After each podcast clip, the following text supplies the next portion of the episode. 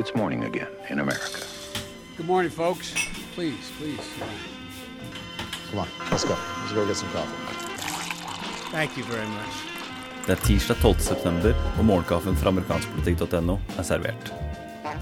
Mandag kveld vedtok FNs sikkerhetsråd enstemmig nye sanksjoner mot Nord-Korea.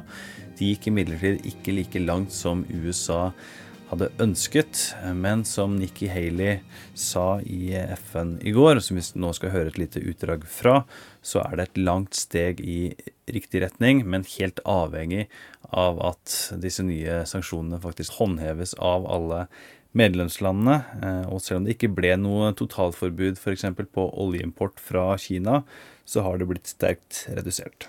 In short, these are by far the strongest measures ever imposed on North Korea. They give us a much better chance to halt the regime's ability to fuel and finance its nuclear and missile programs.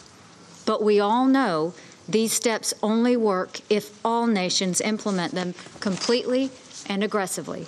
Orkanen Irma har blitt nedgradert til en tropisk storm mens den fortsetter nordover. I eh, Florida så rapporteres det om eh, sju dødsfall samt meget store ødeleggelser, men ikke like ille som i Karibien, der det ble rapportert om 37 døde. Eh, I Florida nå så står over 7 millioner mennesker uten strøm, og FIMA-sjef Brock Long uttaler ifølge Associated Press at mange nå må leve uten strøm i ukevis framover. Store områder i sørlige Florida har opplevd stormflo, og ordføreren i Jacksonville uttalte at innbyggerne som trenger å reddes, må heve hvite flagg utenfor hjemmene sine.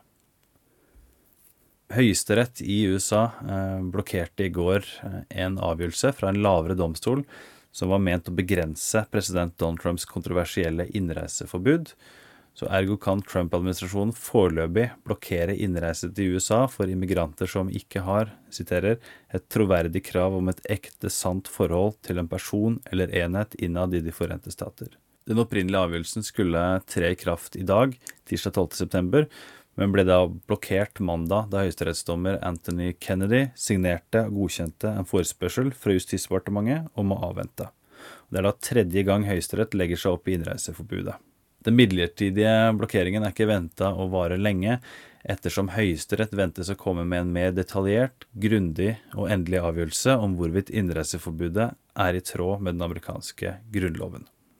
Og i dag, på tirsdag, så arrangeres det nok et middagsselskap som jeg gjerne skulle vært med i. Det er da president Trump som inviterer til et møte med tre republikanske senatorer og tre moderate demokratiske senatorer i Det hvite hus for å diskutere skattereform. Eh, det er da snakk om, på demokratisk side, senator Joe Donnelly fra Indiana, tidligere nevnte Heidi Heitkamp fra North Dakota, Joe Manchin fra West Virginia. Eh, det er jo da tre moderate demokrater i delstater med ganske mange som eh, setter pris på og liker Donald Trump. I tillegg til disse tre demokratene skal det da være med tre republikanske medlemmer av Senatets finanskomité. Det er da Orrin Hatch, formann fra Utah, Pat Toomey fra Pennsylvania og norsk-amerikaneren John Thune fra South Dakota. Og De skal da diskutere skattereform, eh, noe som foreløpig ser ut som en fjern ambisjon for eh, Trump-administrasjonen å få gjennom det her. Ehm, men det virker i alle fall som prosessen rundt eh, det hele er langt mer gjennomtenkt og profesjonell enn det de klarte i forbindelse med helsereformen. Og for de spesielt interesserte så kan det også nevnes at eh, Malaysias eh, statsminister Najib Razak besøker Det hvite hus i dag, så dere kan sikkert streame det et eller annet sted. Uansett, dagens utgave av Morgenkaffen er servert av Martin Totland og undertegnede Are Togoverflaten. Du abonnerer ved å gå til ampol.no kaffen. Tips gjerne andre som kan være interessert i en daglig oppdatering om amerikansk politikk på podkast. Da når vi enda flere. Det hadde vært hyggelig, og så snakkes vi i morgen.